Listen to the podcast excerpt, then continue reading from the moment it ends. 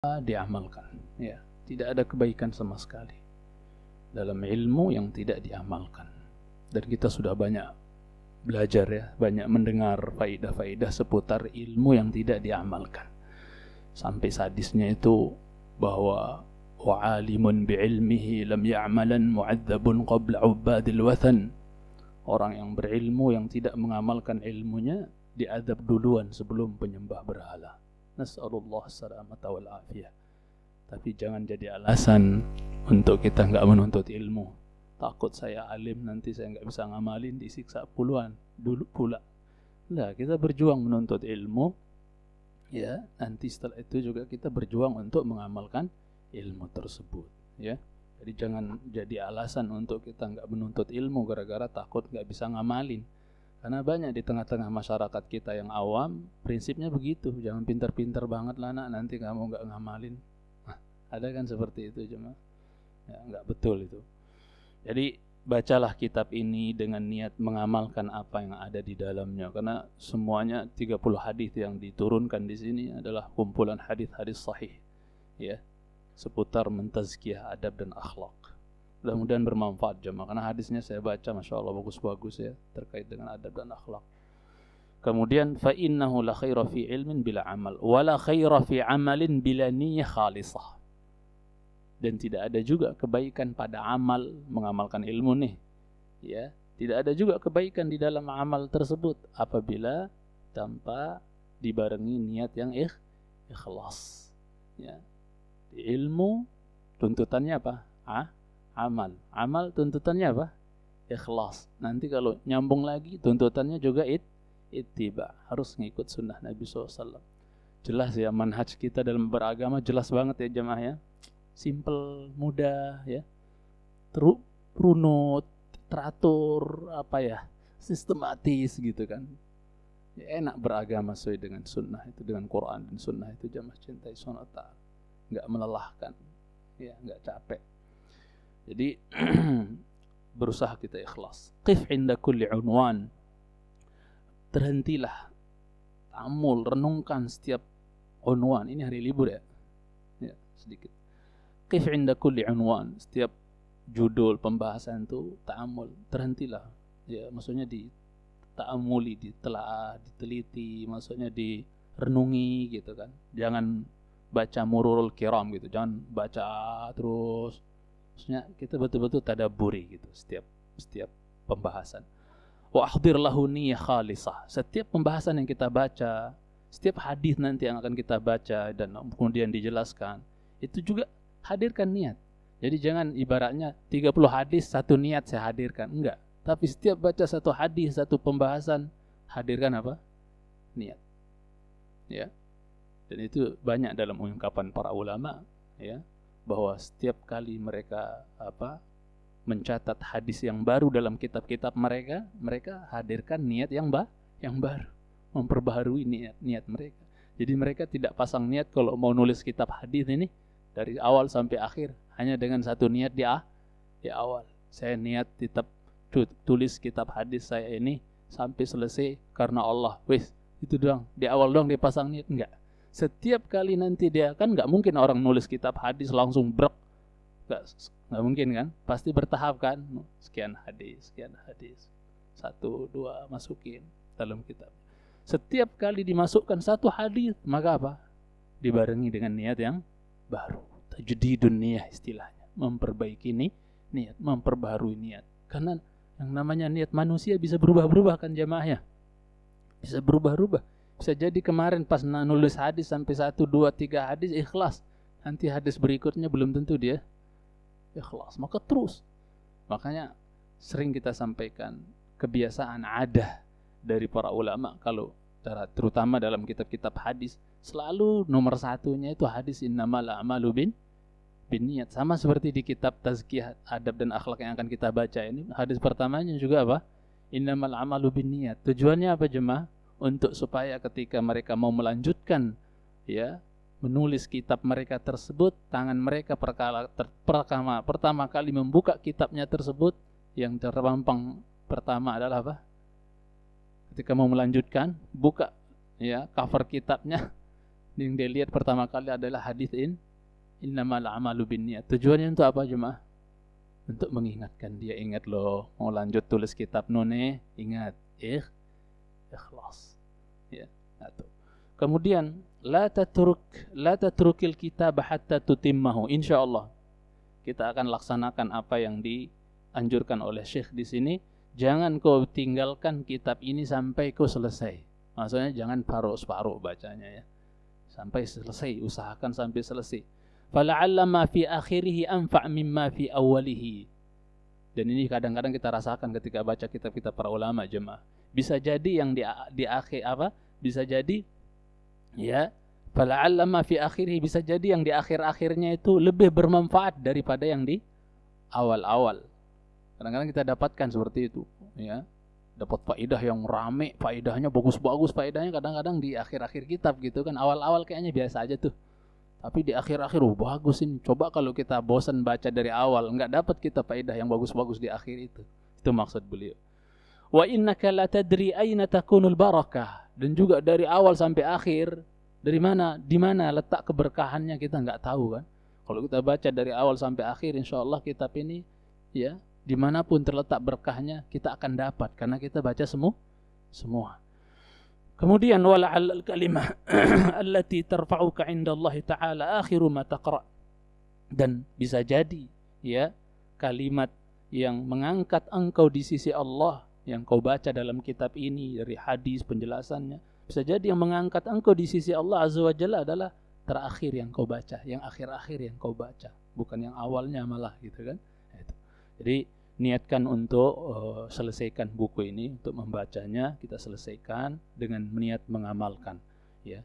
Makanya beliau jelaskan juga di sini kata Salim bin Abdullah bin Umar radhiyallahu taala anhuma bahwa Salim bin Abdullah ya Ibn Umar radhiyallahu taala anhuma pernah mengirim surat kepada Umar bin Abdul Aziz, cicitnya Umar bin Khattab.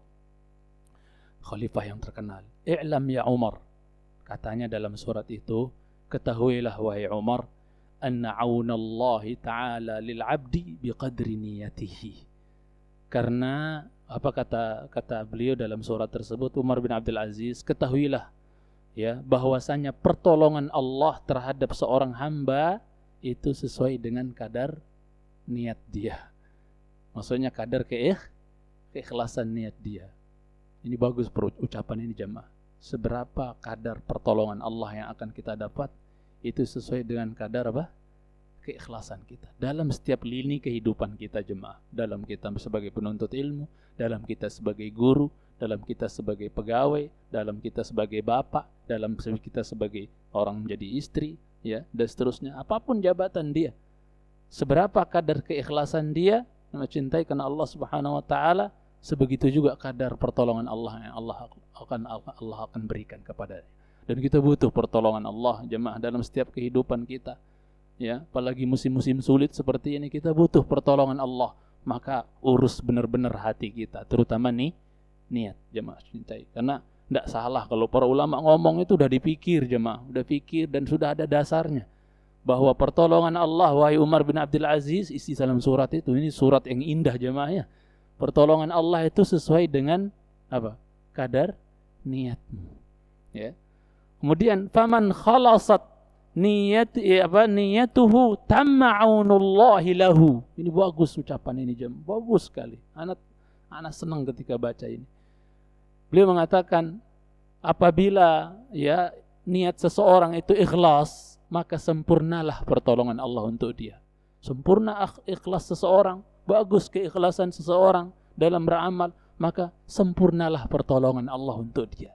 Wa man naqasat niyatuhu, tapi kalau niatnya kurang, ikhlasnya kurang, naqasa anhu min aunillah biqadri dzalik. Maka juga akan berkurang pertolongan Allah sesuai dengan kadar berkurangnya nih niat. Maksudnya akan berkurang pertolongan Allah sesuai dengan kadar berkurangnya keikh keikhlasan. Jelas maksudnya jemaah? Eh, itu. Mudah-mudahan Allah menolong kita untuk selalu bisa ikhlas jemaah cintai sunnah ta'ala. Sepertinya kalau untuk memulai membaca hadis pertama dan syarahnya insya Allah di subuh berikutnya insya Allah ta'ala nas'alullah as-sihhata wal afiyah kita mohon kepada Allah Subhanahu wa taala kesehatan. Mudah-mudahan kita bisa lanjutkan insyaallah di hadis yang pertama ya di akhlak yang pertama al-ikhlasu wa tarkur riya. Hmm, ikhlas dan meninggalkan riya. Nanti ada akhlak berikutnya tentang ihsan, tentang ithar, kemudian ya tentang kedermawanan, tentang amanah, tentang ta'awun, tolong menolong, tentang nasihat, tentang sabar, tentang sifat sopan santun, ya tidak tergesa-gesa, sifat pemaaf, sifat kasih sayang, sifat lapang dada, sifat lemah lembut, tidak keras, tidak ekstrim, kemudian sifat malu, qanaah, menjaga diri dari yang haram, kemudian warak hati-hati, pemberani, bakti sama orang tua, adil, tidak berbuat zalim, tawadhu, meninggalkan kesombongan, ya, belajar diam, ya, jamaah cintai, meninggalkan gibah dan adu domba, ya, meninggalkan hal-hal yang keji, buruk, laknat dan seterusnya, ya. Kemudian meninggalkan perdebatan kusir yang tidak manfaat, ya, jujur, ya, setia, ya, kemudian meninggalkan kedustaan, ya, meninggalkan tajassuh cari-cari kesalahan orang, su'dzon, ya, menjaga rahasia, kemudian apa? Meninggalkan apa yang tidak bermanfaat, meninggalkan hasad, meninggalkan marah, ini semua akan akan menjadi pembahasan yang panjang insyaallah taala dan ini terkait dengan adab semua jemaah cintai dan dibuih dengan hadis. Ada yang hadisnya satu, ada yang hadisnya dua, tiga, masing-masing pembahasan. Insyaallah kita akan bahas pada pertemuan-pertemuan yang akan datang. Wassalamualaikum Muhammad wa ala alihi Subhanakallah hamdika asyhadu an la ilaha illa anta astaghfiruka wa atubu ilaik. Assalamualaikum warahmatullahi wabarakatuh. Beliau berkata telah bersabda Rasulullah sallallahu alaihi wasallam Ista'inu ala injahil hawaij bil kitman Minta bantuanlah kalian untuk menyempurnakan kebutuhan-kebutuhan kalian, hajat-hajat kalian, kebutuhan kalian dengan kitman, merahasiakan, diam. Jangan cerita. Ya. Mau punya ini, cerita. Mau punya itu cerita. Mau beli itu beli beli ini cerita. Jangan. Sebaiknya diam rahasiakan. Kenapa? Alasan Nabi sallallahu alaihi wasallam fa inna kulladhi ni'matin mahsudun. Karena sesungguhnya orang yang mendapatkan nikmat atau memiliki nikmat ya mendapatkan karunia biasanya dia rentan untuk jadi bahan hasad ya rentan untuk jadi bahan hasad, orang dengki, orang iri dan seterusnya. Ya. Dan efek dari hasad ini jelek. Dari mata yang hasad saja belum lebih jauh lagi ya. Dari mata yang hasad saja barang kita bisa hancur. Ada orang beli mobil baru kok tiba-tiba mojo, mogok atau tiba-tiba masalah dan seterusnya. Bisa jadi apa?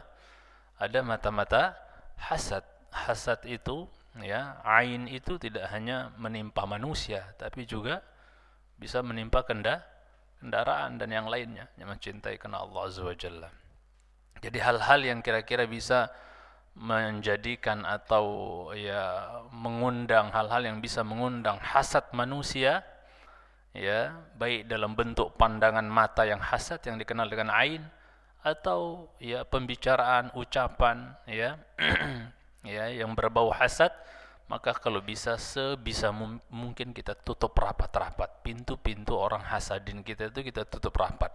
Di antaranya di sini kalau kita mau menyempurnakan kebutuhan rumah kita mau beli ini mau beli itu nggak usah harus cerita dulu sama orang. Beli-beli aja diam-diam gitu. Tahunya udah punya aja ya seperti itu cuma cintai sunnah taala karena setiap orang yang ya ketiban nikmat biasanya dia rentan jadi bahan dengki, bahan hasad kata Nabi sallallahu alaihi wasallam. Uh, fawaid dari hadis ini kitmanus sirri min asrari najahil a'mal, a'malid din wa a'malid dunya. Merahasiakan ya mendiamkan atau menyimpan rahasia itu termasuk dari rahasia suksesnya ya sebuah perbuatan atau sebuah kerjaan, baik kerjaan akhirat, kerjaan agama maupun kerjaan dun dunia. Kemudian yang kedua, kitmanu sirri mahbubun fil khair wa fil merahasiakan, menyimpan rahasia itu disukai baik dalam hal kebaikan maupun dalam hal ya keburukan. Amma fil khair falikai la yuhsad. Adapun menyimpan rahasia dalam hal kebaikan, hmm, hal-hal baik kita simpan, kita rahasiakan itu agar kita tidak jadi bahan hasad. Adapun menyimpan rahasia dalam hal keburukan, ada hal aib, ada hal celak pada diri kita, kita diam jangan cerita supaya kita tidak tersakiti oleh ucapan manusia, omongan manusia, oh dia begini, dia begitu, viral dan seterusnya. Akhirnya kita sendiri yang apa? Galau yang ya stres karena dia omongin orang gara-gara kita bocor sendiri ngasih tahu sendiri tentang keburukan kita sirruka mahfudun madama fi sadrik faedah yang ketiga rahasiamu itu akan tetap aman, tersimpan selama dia masih di hatimu, maksudnya di dadamu. Dalam artian kau nggak bocor, nggak ember kalau bahasa orang tuh.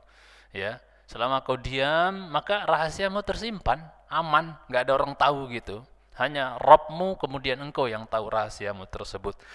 Faida atla'ta alaihi ahadan, tapi kalau kau sudah ya perlihatkan rahasiamu itu kepada orang, kau ceritakan kepada orang, fala talumannahu in afsyah ya maka jangan sekali-kali kau mencela orang tersebut kalau akhirnya nanti dia akan bocor cerita kau cerita sama orang jangan salahkan kalau orang itu nanti akan cerita. Mungkin sehari dua hari dia tahan untuk enggak cerita. Awas ya jangan ngomong sama orang ya.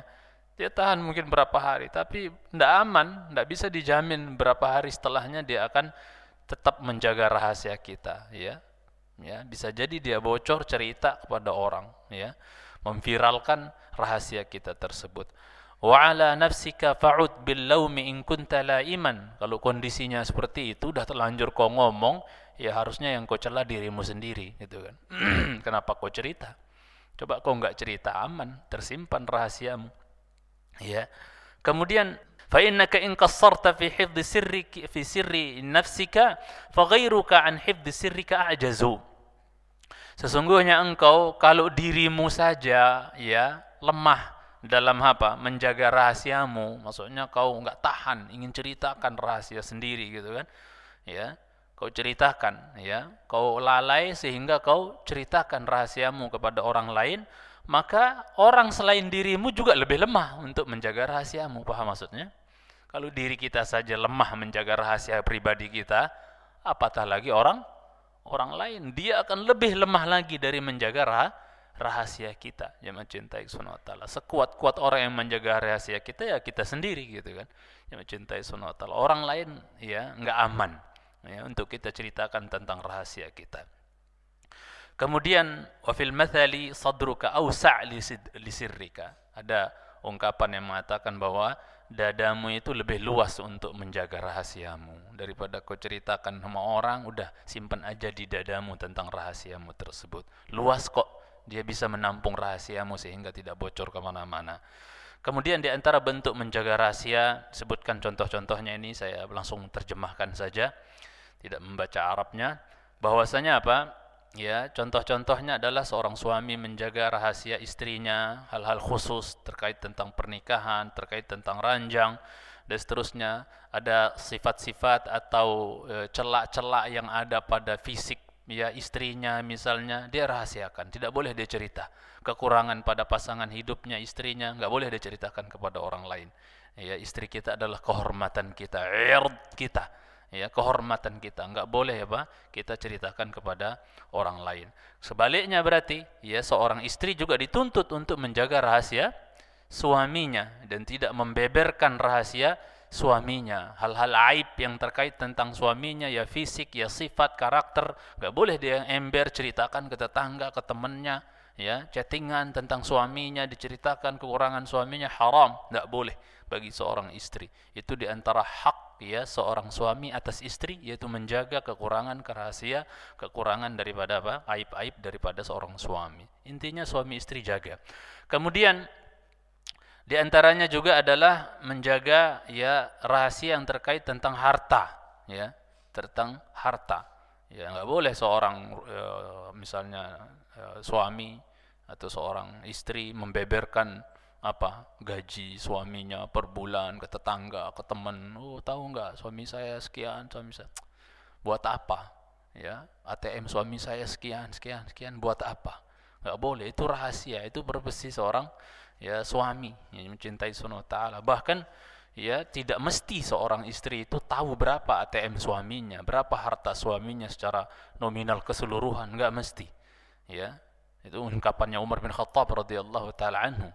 Ya, karena ya secara umum kecuali wanita, perhatikan, kecuali wanita-wanita yang Allah rahmati. Ada wanita-wanita yang mungkin kurang dapat rahmat. Di mana apa? Kalau tahu ya berapa harta suaminya, wis semau-maunya dia bawanya digeret suaminya ke mall ke mana dan seterusnya sudah akhirnya suaminya di stres gitu kan. Sampai berdoa di luar mall ya Allah berhidayah kepada istri saya supaya tidak beli semua. Dan seterusnya. Jadi enggak semua ya maksudnya ya tidak mesti seorang istri tahu berapa harta suaminya tersebut ya. Ya antum tahulah alasannya gitu kan. Kemudian dia mencintai tapi tidak semua perempuan ya seperti itu. Tidak semua istri. Kemudian yang mencintai karena Allah Azza wa Jalla di juga adalah menjaga seorang wanita menjaga rahasia daripada ya e, iparnya, ipar lakinya, ipar perempuannya, rahasia-rahasia ya iparnya, kemudian darair, rahasia ya apa namanya madunya dan seterusnya itu dijaga. Tapi yang ada sih sekarang kebanyakan para madu itu saling apa? Saling menceritakan kekurangan dan aib masing-masing gitu. Oh dia kan begini entah kepada suaminya, entah kepada temannya, tetangganya kan istri suami saya yang nomor sekian kan dia begini begini begini. Haram haram haram haram. Nggak boleh. Ya nggak boleh. Mencintai SWT membeberkan rahasia darair yaitu apa? Ya apa namanya? Madu-madu dan seterusnya. Nggak boleh. Itu rahasia itu privasi suaminya. Kemudian ya wa minha di antaranya juga menjaga seorang bapak atau orang tua menjaga rahasia anak-anaknya. Tak boleh orang tua membeberkan rahasia atau aib kekurangan daripada anak-anaknya. Sebaliknya anak-anak juga nggak boleh membeberkan rahasia orang tuanya. Orang tua saya begini bapak saya begini ibu saya begini dan seterusnya yang sifatnya kekurangan apalagi ya atau hal-hal yang berbau rahasia dari ibu bapaknya nggak boleh haram bagi anak untuk menceritakan. Mencintai kena Allah tabaraka wa taala. Taib Kemudian di antaranya juga seorang menjaga rahasia tetangga, menjaga rahasia te teman, ya, menjaga rahasia teman, menjaga rahasia kerabat, ya. Orang-orang yang ada hubungan rahim, ya, ya itu hendaknya dia jaga, jangan sampai dia beberkan. Di antaranya seorang guru menjaga rahasia muridnya, sebaliknya murid menjaga rahasia gurunya, ya. Itu harus ya kita pegang itu, ya menjaga rahasia murid, kemudian murid juga menjaga rahasia guru, ya. Kemudian di antaranya para dokter menjaga rahasia pasiennya. Jangan sampai dia cerita saya punya pasien begini, begini, begini, fisiknya begini, nggak boleh, nggak boleh haram bagi sang dokter untuk menceritakan kepada orang lain tentang rahasia pasiennya. Dia mencintai karena Allah Azza wa Jalla. Begitu juga ya bos tentang rahasia karyawannya, karyawan rahasia, tentang rahasia bosnya, pimpinannya itu tidak diperbolehkan atau yang lebih jauh lagi, lebih lingkup luas lagi, yaitu menceritakan hal-hal yang terkait tentang stabilitas keamanan negara, ya kepada negeri lain misalnya yang benci atau memusuhi negeri kita, ya dalam artian menceritakan, membeberkan tentang rahasia kekuatan negeri kita, misalnya kepada musuh-musuh kita dan seterusnya haram tidak diperbolehkan. Ini mudaratnya besar yang mencintai karena Allah Azza wa Jalla. Dalam artian dalam hal menjaga rahasia negeri kecil yang namanya keluarga saja itu sangat ditekankan oleh syariat. Apalagi ya rahasia yang terkait tentang apa? Negeri negara secara ya lingkup yang lebih besar. Ini lebih haram lagi untuk dibeberkan karena itu madaratnya lebih apa? Lebih meluas dan lebih besar. Pada pertemuan yang akan datang insyaallah taala kita akan uh, pindah ke perkara yang selanjutnya yaitu tarku ma la ya'ni yaitu meninggalkan hal-hal yang tidak bermanfaat. Dan hadis pertama yang akan kita bawakan adalah min husni islamil mar'i tarkuhu ma la ya'nih ya. Di ciri baik tanda baiknya Islam seseorang adalah dia meninggalkan hal-hal yang tidak bermanfaat bagi dirinya. Baik untuk urusan dunia dia lebih-lebih untuk urusan ah, akhiratnya ya. Sampai dia menyebutkan dengan hal-hal yang tidak bermanfaat untuk urusan dunia lebih-lebih untuk urusan akhiratnya. Nabi kita memesankan ihris ala ma yanfa'uk wasta'in billah wala ta'jaz. Ya semangat engkau untuk meraih apa yang bermanfaat. Jadi yang enggak bermanfaat ya jangan sibukkan. Ya, semangat kau untuk meraih yang bermanfaat kata Nabi sallallahu alaihi wasallam dan mintalah pertolongan kepada Allah dan jangan kau lemah. Wa sallallahu ala Muhammad wa ala alihi washabihi baraka sallim. Subhanakallahumma hamdika asyhadu an la ilaha illa anta astaghfiruka wa atubu ilaik. Assalamualaikum warahmatullahi wabarakatuh. Syukran.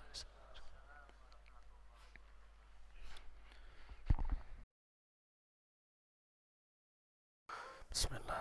Assalamualaikum warahmatullahi wabarakatuh. Alhamdulillah wassalatu wassalamu ala Rasulillah wa ala alihi wa sahbihi wa man wala amma ba'd. Jamaah sekalian yang saya muliakan, insyaallah kita masuk ke pembahasan tentang tark ma la ya'ni. Atau tarku ma la ya'ni. Terkait tentang meninggalkan hal-hal atau apa yang tidak bermanfaat. Hadis pertama yang dibawakan di sini adalah hadis yang sangat terkenal, populer sekali, masyhur. Hadis yang dikeluarkan oleh Imam Ibnu Majah. Begitu juga Al-Imam At-Tirmidzi dan dinilai sahih oleh Al-Imam Al-Albani rahimahullah taala. An Abi Hurairah radhiyallahu anhu قال قال رسول الله صلى الله عليه وسلم min husni islamil mar'i tarkuhu ma la ya'nihi.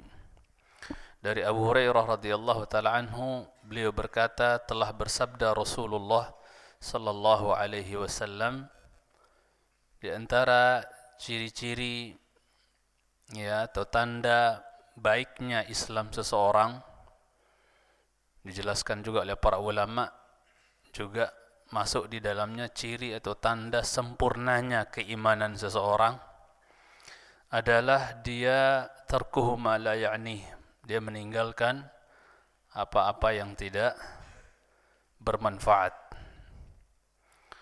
Faidah yang uh, diambil dari hadis ini pertama min kamali islamil abdi wa kamali dinih tarkul bahthi wal ittila' ma la ya'ni fa fi dhalika salamatu dinil abdi bahwa di antara bentuk kesempurnaan Islam seorang hamba bahkan kesempurnaan iman seorang hamba dan menunjukkan sempurnanya agama seorang hamba adalah dia meninggalkan dari mencari-cari atau melihat-lihat ya melirik-lirik kepada hal-hal yang tidak bermanfaat ya karena di dalam hal tersebut ada keselamatan bagi agama orang tersebut.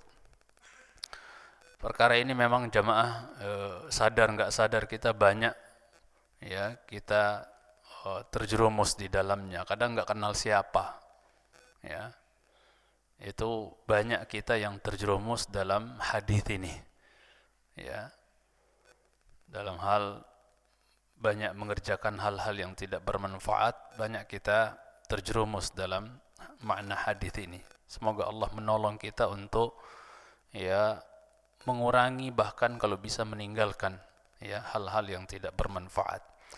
Yang kedua, aqallu ma fil bahthi amma la ya'ni min as-su' annahu yashghulu ya itu yushghilu fikrahu fi ma la faidata ta'udu alaih.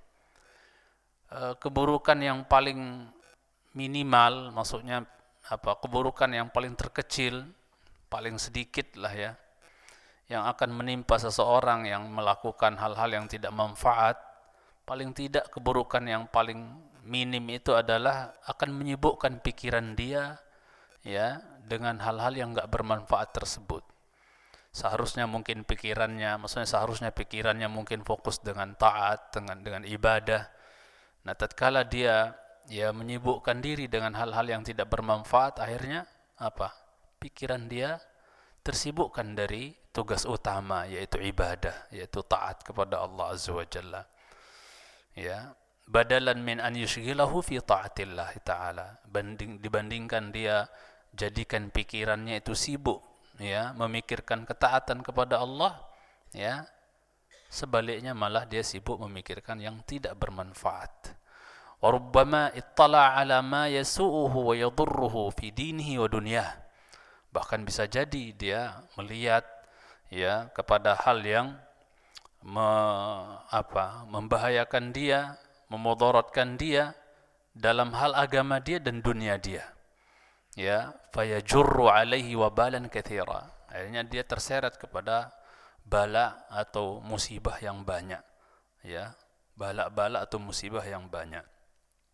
Apatah lagi kita hidup di jemaah yang saya cintai karena Allah Jalla di zaman e, semua kita nyaris tidak ada yang enggak memiliki HP dalam artian semua kita memiliki HP ke mana pun kita pergi kita ditemani oleh HP ini dengan kuota yang melimpah bahkan mungkin ya. Sehingga di mana pun kapan pun orang bisa apa bisa menyempatkan kadang-kadang untuk dia melihat hal-hal yang tidak bermanfaat ya. Apalagi orang yang punya apa ya tingkat penasaran yang tinggi. Apalagi kalau orang lihat YouTube atau apa misalnya ada hal yang menarik buka. Nanti ada lagi yang muncul lagi terus terus terus habis waktu akhirnya. Ya kalau nggak mengekang diri kita ya akan habis waktu kita untuk barang ini cuma cintai karena Allah Azza wa Jalla. Dan memang fenomena yang kita lihat paling banyak menyita waktu kita hari ini adalah barang ini jemaah. Maka sering para ulama katakan barang ini seperti silahun duhaddain. Ini barang seperti pedang yang memiliki dua tajam. Ya tergantung kita memfungsikannya untuk apa. Dia bisa jadi sebab atau jalan sarana kita masuk surga Allah tapi sebaliknya bisa juga jadi sarana untuk masuk ke dalam neraka Allah Subhanahu wa taala. Hanya dengan satu pencet saja bisa jadi itu mengantarkan orang ke neraka Allah Azza wa Jalla. Karena apa yang enggak ada di sini? Mau nyari yang sesat-sesat juga banyak di sini jemaah.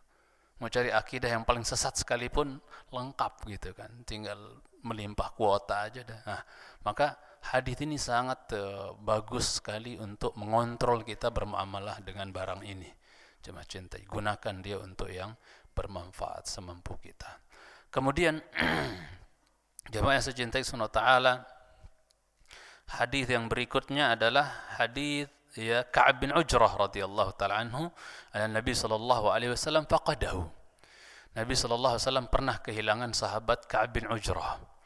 Dan ini mesti kita hidupkan di tengah-tengah kita jemaah. Kalau kita punya teman, saudara, teman sepengajian, ya, teman jamaah masjid, ketika dia nggak kelihatan, nggak muncul, ya, kita cari. Maksudnya merasa kehilangan. Dan itu suasana yang biasa di tengah-tengah sahabat. Fulan mana, fulan mana, fulan mana, gitu. Saling cari. Hatta Nabi Shallallahu. Kiranya mungkin berapa hari Nabi nggak ngelihat Kaab bin Ujrah ke mana dia, ya ini suasana yang ada di tengah-tengah para sahabat dahulu di zaman Rasulullah SAW. Rasul merasa kehilangan mana Ka'ab bin Ujrah. Fasa'ala anhu. Maka Nabi SAW bertanya, Ka'ab mana? Faqalu marid. Sahabat mengatakan, oh beliau sakit ya Rasulullah. Ka'ab bin Ujrah sakit. Fakharaja yamshi hatta atahu. Maka Nabi SAW keluar ya dan berjalan. Jalan kaki beliau SAW mendatangi rumahnya Ka'ab bin Ujrah. Falamma dakhala alaih ketika Rasulullah SAW masuk ya ke dalam rumahnya Ka'ab bin Ujrah, qala abshir ya Ka'ab. Ya. Nah ini menunjukkan adab kita jenguk orang sakit itu jangan bawa kabar-kabar buruk. Ada kemarin orang sakit kayak antum cuman berapa ini mati, koit gitu loh. Ya koit beneran nanti orang itu. Ya, jadi hendaknya kita ucapkan ucapan-ucapan yang baik yang membuat dia termotivasi sentuhan fisik. Ini ikhwan-ikhwan kita kadang-kadang kalau jenguk orang sakit canggung untuk mungkin di apa pegang dadanya atau pegang kepala teman yang sakit. Itu sentuhan fisik itu membuat teduh hati orang sakit. Bisa jadi itu lebih manfaat dari ya butiran-butiran pil-pil yang hah dan sentuhan fisik dari seorang yang menjongoknya. Syafakallah akhi tahur la basa insyaallah. Tambah lagi kita ruqyah dia ya. Bacain kursi bacain fatihah hmm? doa akhir baqarah misalnya kan. Teduh dia tenang dia ya. Subhanallah. Itu bisa menjadi apa sebab dia sembuh malah gitu kan. Semangat dia. Itu menjadi keteduhan tersendiri. Bacain. Entah di dadanya bacain senang dia senang dia. Merasa diperhatikan dan seterusnya. Tapi juga jangan berlama-lama ya orang sakit itu butuh istirahat. Sunnahnya menjenguk orang sakit tidak pakai lama ya. Jangan ngobrol ngawur ngidul sana sini gitu kan. Nah kemudian jemaah cintai kesono taala abshir kabar gembira bagi wahai Ka'ab ya ya.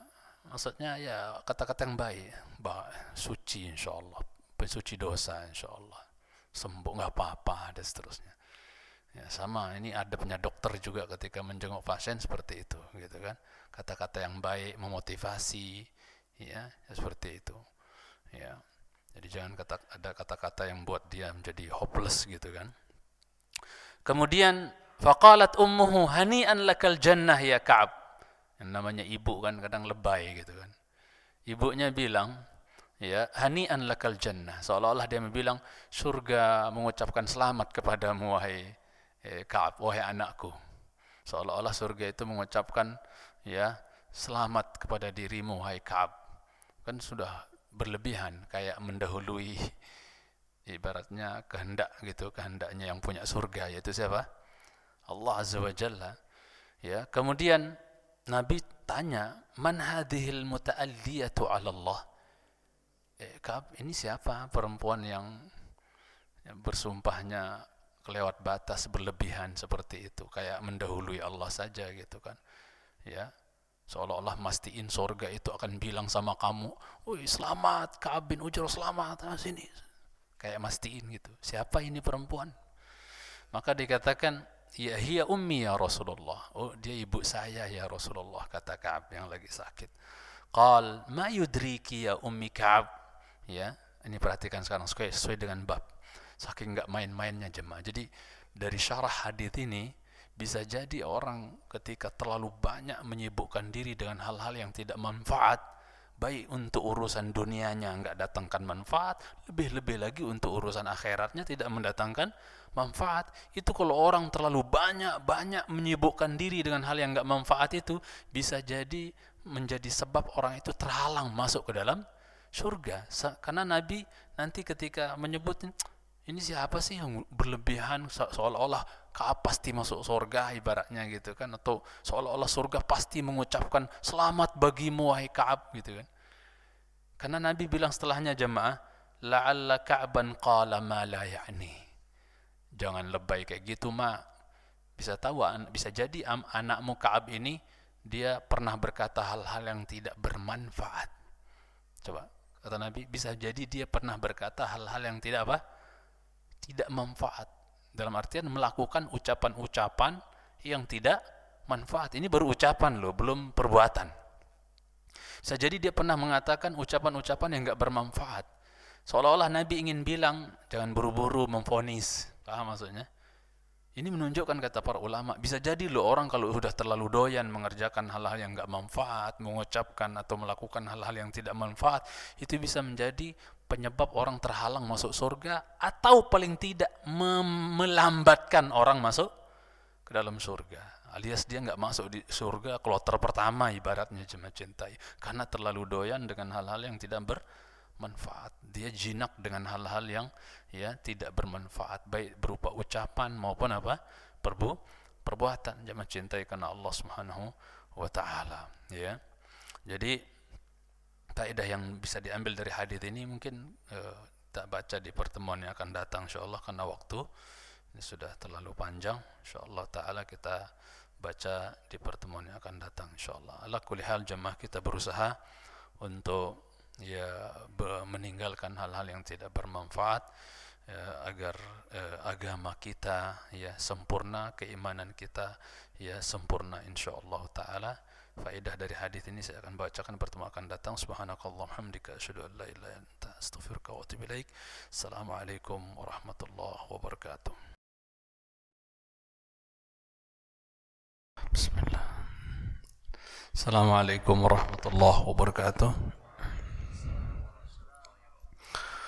الحمد لله والصلاة والسلام على رسول الله وعلى آله وصحبه ومن والاه أما بعد Jamaah sekalian yang saya hormati, kita ambil beberapa faidah dari hadis yang kemarin terakhir kita sampaikan, hadis Ka'ab bin Ujrah radhiyallahu taala anhu. Manakala dia dijenguk oleh Nabi sallallahu alaihi wasallam, di antara faedahnya adalah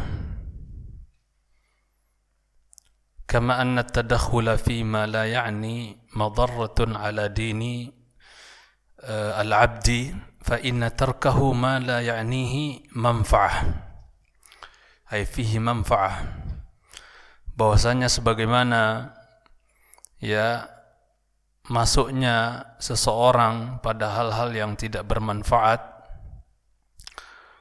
di dalamnya ada kemadaratan bagi agama seorang hamba bisa memudaratkan agama seorang hamba. Maka berarti sebaliknya, ketika dia meninggalkan sesuatu yang tidak bermanfaat, berarti apa? Di dalamnya ada kemanfaatan. Kalau mengerjakan yang enggak manfaat ada madarat, berarti meninggalkan yang tidak memiliki manfaat itu ada manfaat dan maslahat, ada kebaikan buat seorang hamba. Ya, ada keselamatan buat seorang hamba. Fa'an Zaid bin Aslam annahu dakhala ala ibni Abi Dujanah dari Zaid ibn Aslam bahwasanya dia pernah menjenguk atau mendatangi bertamu ke ya Ibnu Abi Dujanah bahwasanya wahwa marid dan dia dalam kondisi sedang sakit. Ibnu Abi Dujanah dalam kondisi sakit. Wa kana wajhuhu yatahallalu. Sakit-sakit tapi wajahnya berseri-seri gitu kan. Kelihatan kayak orang ya berseri-seri lah wajahnya. Hilal itu kan identik dengan cahaya gitu. Jadi ya tahallalu maksudnya apa? Berseri-seri bercahaya wajahnya. Sakit tapi kayak orang happy gitu. Faqala lahu malak yatahallal wajhuk? Ada apa denganmu? Penasaran gitu. Kok bisa wajahmu? Kok sakit-sakit tapi wajahmu berseri-seri bercahaya? Qal ma min amalin ya أي ما من عمل شيء أوثق عندي من اثنين أما أحدهما فكنت لا أتكلم بما لا يعنيني yang pertama wa ammal ukhra fakana qalbi ya lil muslimina salima mudah-mudahan kita memiliki dua karakter ini jemaah yang saya cintai uh, kata beliau menjawab Ibnu Abi Dujana bahwasanya tidak ada satu amalan yang paling apa saya jadikan pegangan ya. Paling saya pegang erat kuat dua amalan tersebut dibandingkan hanya dua. Jadi amalan-amalan itu dari amalan-amalan yang ada ada dua yang betul-betul saya apa authaq maksudnya betul-betul saya pegang betul-betul saya ikat gitu kan amalan tersebut. Maksudnya jangan sampai lepas dari diri saya gitu kan Adapun yang pertama adalah kuntu la atakallamu bima la ya'nini.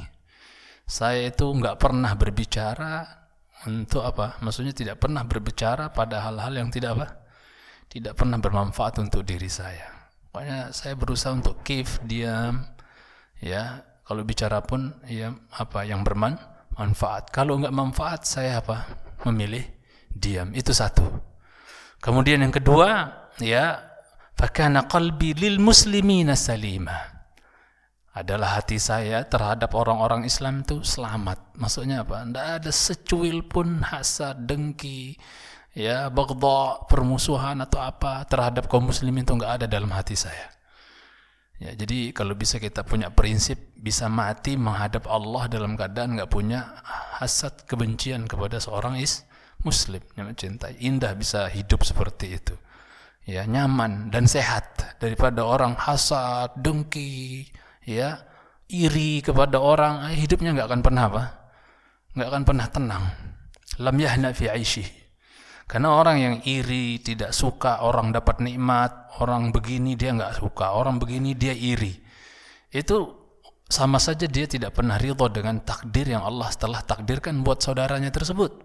Paham nggak maksudnya? Sehingga sebagian salaf katakan man lam yarda biqada'illah lam yahna fi 'aishihi. Siapa yang tidak ridha dengan ketentuan dan keputusan Allah, takdir Allah, dia tidak akan pernah merasakan kebahagiaan dalam apa? hidupnya nggak akan pernah tentram, nggak nggak pernah akan adem, hatinya bergejolak terus kok dia begitu kok dia, nah itu. Jadi sengsara kehidupannya, tersiksa gitu kan, mencintai Subhanahu taala.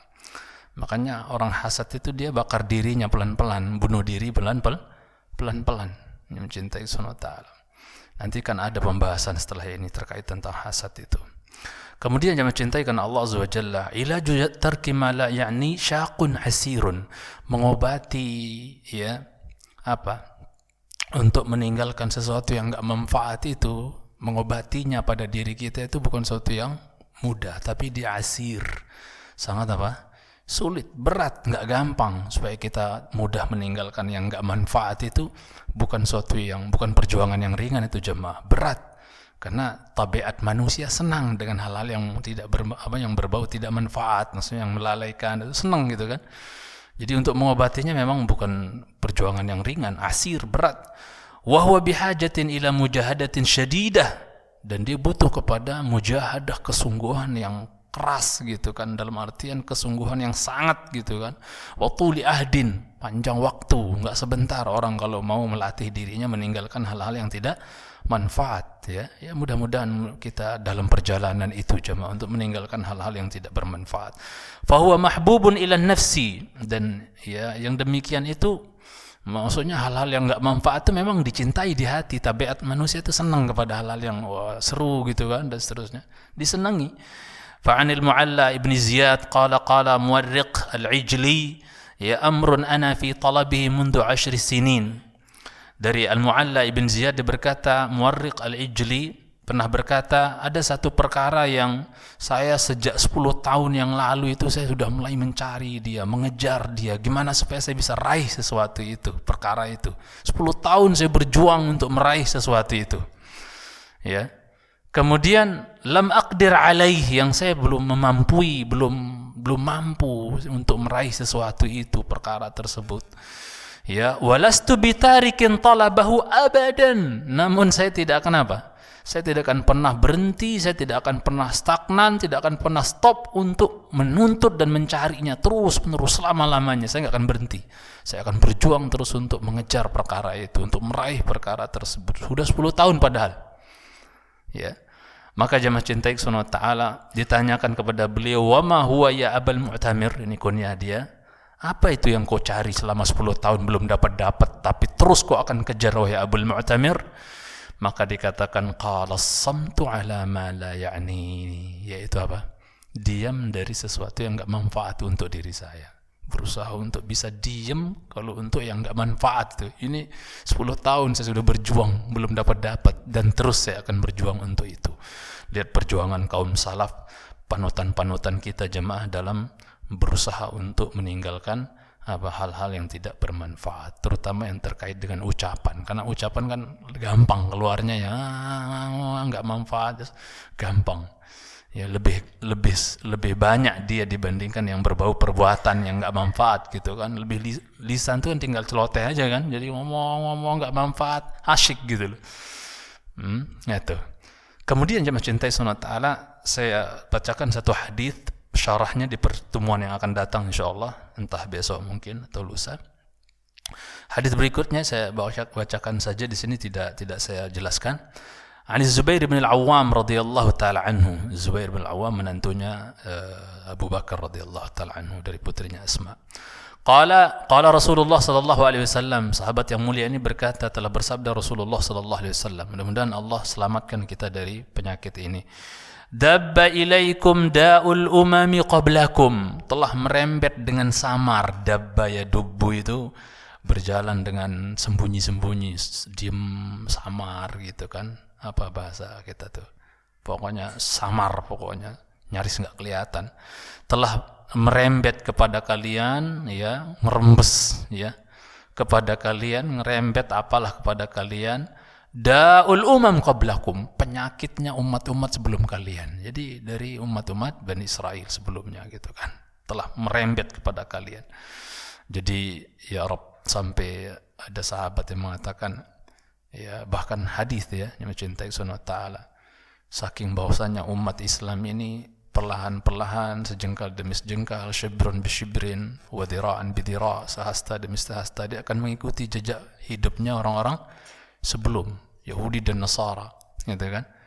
Itu sampai Nabi katakan "Lau kanat min ban lau kana min bani Israel man ata ummahu lakana min ummati man yaf'alu dhalik kalau sekiranya dari umat Bani Israel dahulu ada yang menzinai ibu sendiri niscaya di antara umatku ini juga akan ada nanti yang menzinai ibunya sendiri. Terjadi enggak? Banyak, enggak, enggak, enggak, enggak satu dua. Banyak cerita kalau kita mau cerita tapi enggak ada waktu cuma.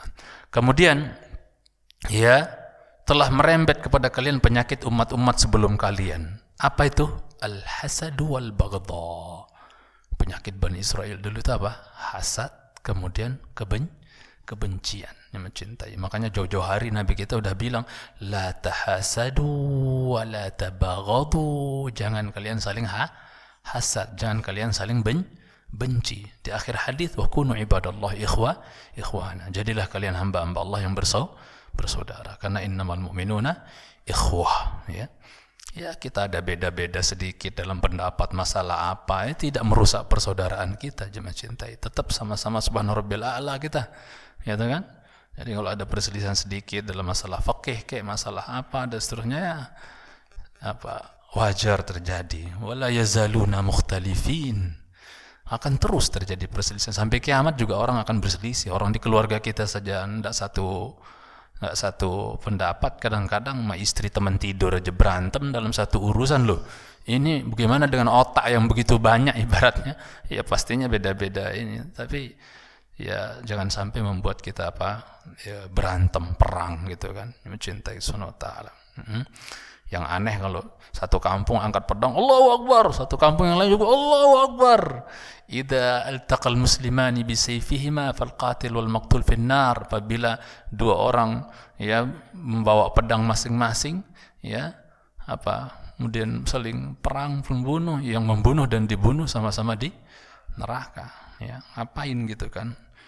Ego tapi ujung-ujung merok di neraka buat apa gitu kan? Mencintai sunnah ta'ala Taib. kemudian ya coba cintai sunnah ta'ala hiyal haliqah. Nabi sebut penyakit hasad ini haliqah. Antum tahu silet buat botakin orang? Bapak-bapak tuh biasanya tuh suka botak gitu kan. Itu antum bisa bayangkan gimana silet tuh begitu cepatnya serot itu begitu tajam silet ya kan? Membotakin kepala orang. Rambutnya langsung hmm, yang tadinya tebalnya kayak ijuk rambutnya ibaratnya tapi begitu kena silet itu ser hilang. Sebegitu mudahnya sebegitulah gambaran dari Nabi SAW hasad itu apa? Mencukur agama seseorang merusak agama seseorang mangkas agamanya seseorang menghancurkan agamanya seseorang bak silet tajam apa? Membas apa? Membabat rambut tebal gitu kan. Hiyal haliqah, dia pencukur kata Nabi SAW, pemotong. La aqulu tahliku sya'ra. Saya tidak katakan hasad ini mencukur rambut, memotong rambut, enggak. Tapi apa? Walakin tahliqud din. Yang dicukur itu apa? Yang dirusak itu apa? Yang dibabat itu apa? Agama seseorang. Ya, rusaknya agama Yahudi apa tuh? Ha?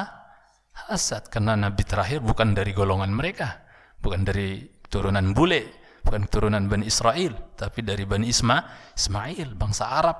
Makanya mereka ndak ndak apa sesat gitu kan, rusak agama mereka. Hasad asalnya. Walladzi nafsi biyadih, demi zat yang nyawaku berada di tangannya, la tadkhulul jannah hatta tu'minu. Tolong dipraktekkan akhir-akhir hadis ini jemaah. Kita berusaha hidupkan di tengah-tengah kita. Ya. Demi Allah, demi zat yang nyawaku berada di tangannya, kalian gak akan masuk surga sampai kalian beriman sampai kalian beriman, bertauhid. Wala tu'minu hatta tahabbu. Enggak sempurna iman kalian sampai kalian saling mencin mencintai. Afala unabbiukum bima yuthabbitu dzalika lakum? Mau enggak saya, saya kasih tahu kalian apa yang bisa menguatkan, mengokohkan hal itu bagi kalian? Ya.